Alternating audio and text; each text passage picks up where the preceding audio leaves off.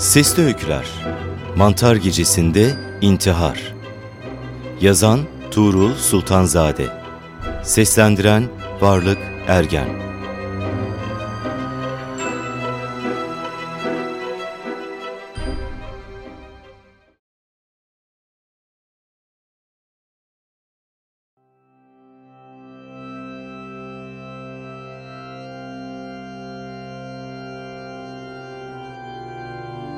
Grotte ikili uydu sistemi birbirinin etrafında dönerek Hagov gezegenini turlardı.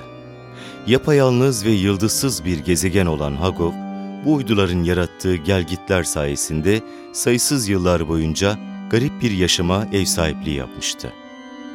Ama en sonunda uzaklardan gelen gizemli bir güç, tüm gezegeni platinyum kaplama bir süper bilgisayara dönüştürdü.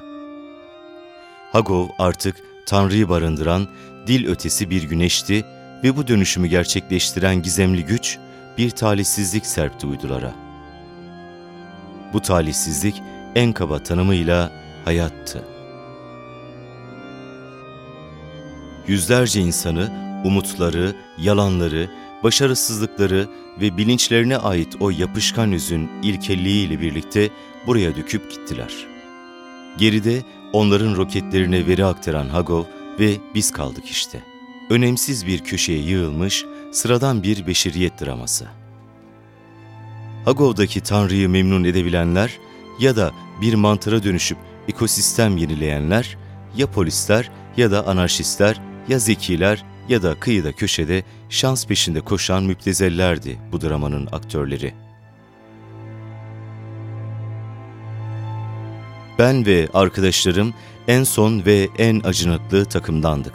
Tıpkı aradığı yıldızı asla bulamayacak bir astronotun kozmik yalnızlığı kabullenişi gibi. Biz de şanssız olduğumuzu kabullenmiştik. Fakat astronot aramayı durduramazdı. Çünkü onu yaşatan şey bu arayıştı aslında. Biz de şansı kovalamazsak yaşamanın bir anlamı kalmazdı ki. Nitekim içimizden biri uydunun asla gün ışığı görmemiş bu yüzünde artık şansı kovalamanın anlamsızlığını fark etmişti. Bırakmıştı arayışı. Yani yaşaması için hiçbir neden yoktu artık. Hagov'daki Tanrı bunu hissetmiş olmalıydı ki mantara dönüştürüyordu çocuğu yavaş yavaş. Yakında yeni bir amacı olacaktı fakat bir mantar olacaktı elemanımız.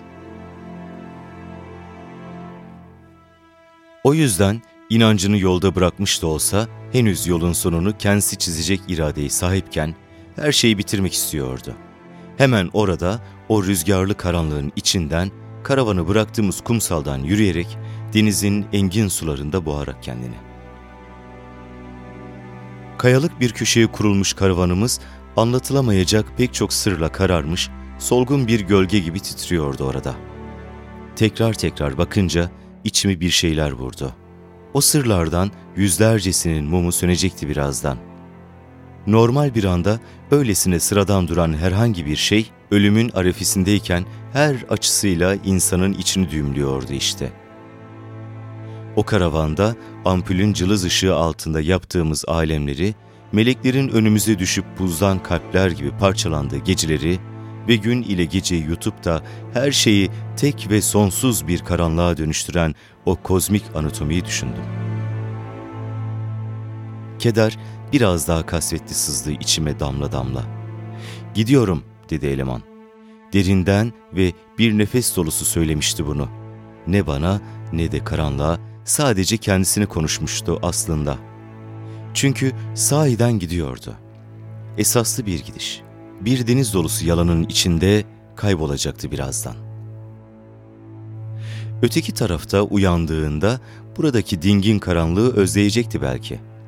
Belki de karanlığı bile hatırlamayacaktı. Belki bir klastrofil olacaktı ama sebebini anlamayacaktı asla. Bambaşka bir şey olacaktı. Belki bir insan bile değil. Dostumun aslında ölmeyeceğini, bambaşka bir hayatta bilinçsizce yaşayacağını bilmek asıl trajedi unsuruydu işte. Sigaraların ışıldayıp söndüğü, dumanların sarmallar halinde rüzgara karıştığı bu hisli karanlığın ardından yorgun bir kıvılcım gibi parladı sesi. Sence veda eder mi? Sanmıyorum dedim. Elindeki iletişim cihazına baktı kederle. Işık soğukla karışık yakıyordu yüzünü. Sonra dalgalar patladı kıyılarda. Birkaç yengeç sarhoş gibi yan yan geçip gitti ve ona boşuna bekliyor olduğunu söyledim. Oysa ki gidiyor olsa bile bu gidişin beklenmedik bir sürprizle tatlı acı bir trajediye dönüşmesini istiyordu ısrarla. Onu unutmamış olduğunu bilmek istiyordu. O yüzden son bir işaret bekliyordu sevdiğinden. Korkular ve kuşkularla vurulmuş garip bir sesle ''Ya erken gidiyorsam?'' diye söylendi. Ölüme, değişime ve kaybolmaya dair garip bir korkuyla çarptı dalgalar. Kumda açan o vakur bitkileri kadar ürperdi karanlık. Son saniyelerini onu hayal ederek geçir öyleyse, dedim bilgece görünmeye çalışarak. Hiç yazmaması daha iyi.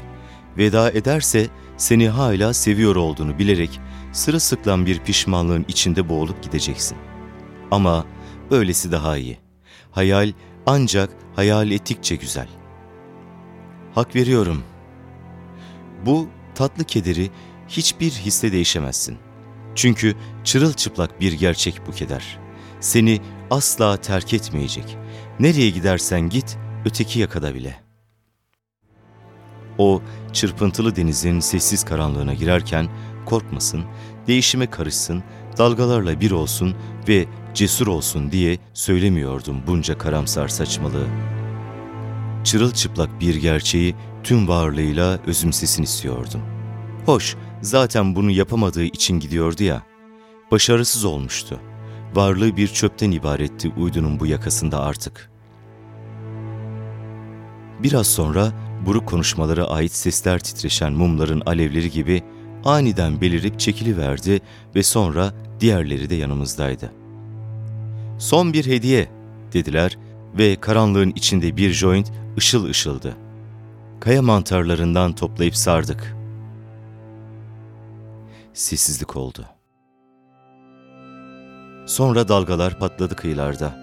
Soğuk bir esinti tuzlu kokularla yaktı içimizi. Karavan artık çok daha karanlık. Her şey biraz daha ıssızdı. Eleman jointi aldı. ''Hazır mısın?'' diye sordum. Başını evet anlamında salladı. Böylece içimde giderek büyüyen kederli bir boşluğun çekim etkisinde iletişim cihazını çıkarıp Hagov gezegenine sinyaller yollamaya başladım. Karanlığın bağrındaydık biz. Onu asla göremezdik. O öteki taraftaydı fakat orada da sadece bir ışığın hayaleti kadar vardı gökyüzünde. Sinyal önce öteki yakaya ulaşmış olmalıydı. Sonra oradaki bir antenden Hagov'a.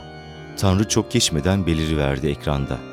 Arkadaşımızı bağışlayıp onu öteki yakada uyandırması için yakardım. Tanrı önce o gün boyunca edilen tüm duaları, tüm yakarışları, tüm mucizeleri ve felaketleri ölçüp büyük veri hesapladı. Daha sonra buruk bir merhametle tekrardan beliriverdi ekranda. Bu talihsiz bir şeylere tesadüf edeceğimiz anlamına geliyordu ama çocuk affedilmişti. Cihazı kapatıp kumların içine bıraktım kayıtsız bir hareketle. Ritüel başlayabilir dedim.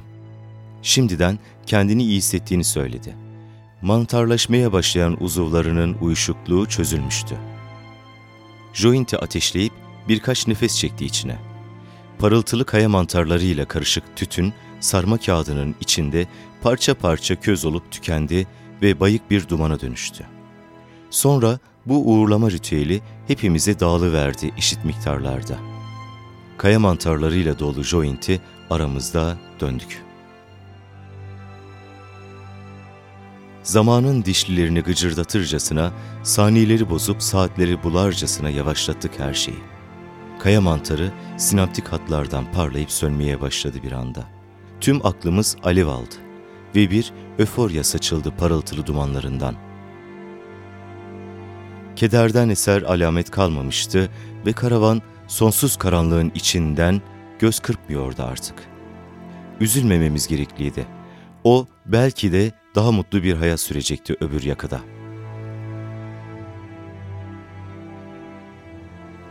Bizden ise bir kişi daha eksilecekti.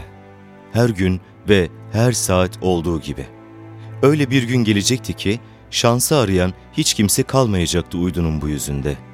Şans denen şey kaybolacaktı. Bunları düşünerek kalktım ayağa ağır ağır. Gözlerim vakur çiçeklerin dikenli suratlarına takıldı. Eleman herkeste sarıldı birer birer. Sıra en son bana geldi. Sonra kederle ağırlaşmış yürürken denize doğru arkasını dönüp gülümsedi.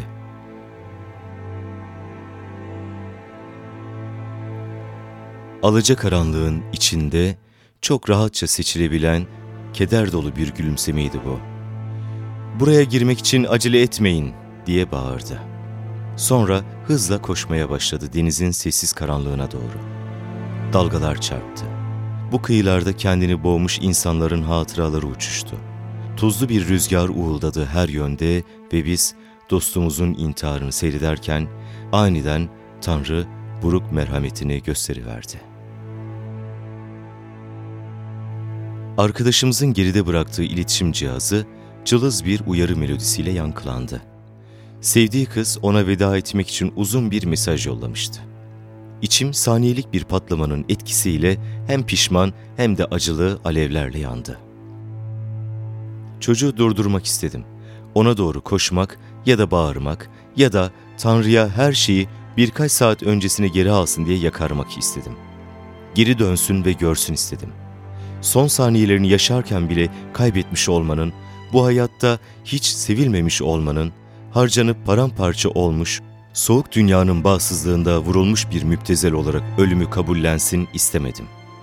Dudaklarında aşka dair bir gülümsemeyle mutlu mutlu boğulsaydı keşke dalgalarda. Fakat bitmişti artık. Her şey için çok geçti. Engin karanlık onu da yutmuş, geride arkadaşımızın çığlıkları gibi çarpan dalgaların yorgun solukları kalmıştı.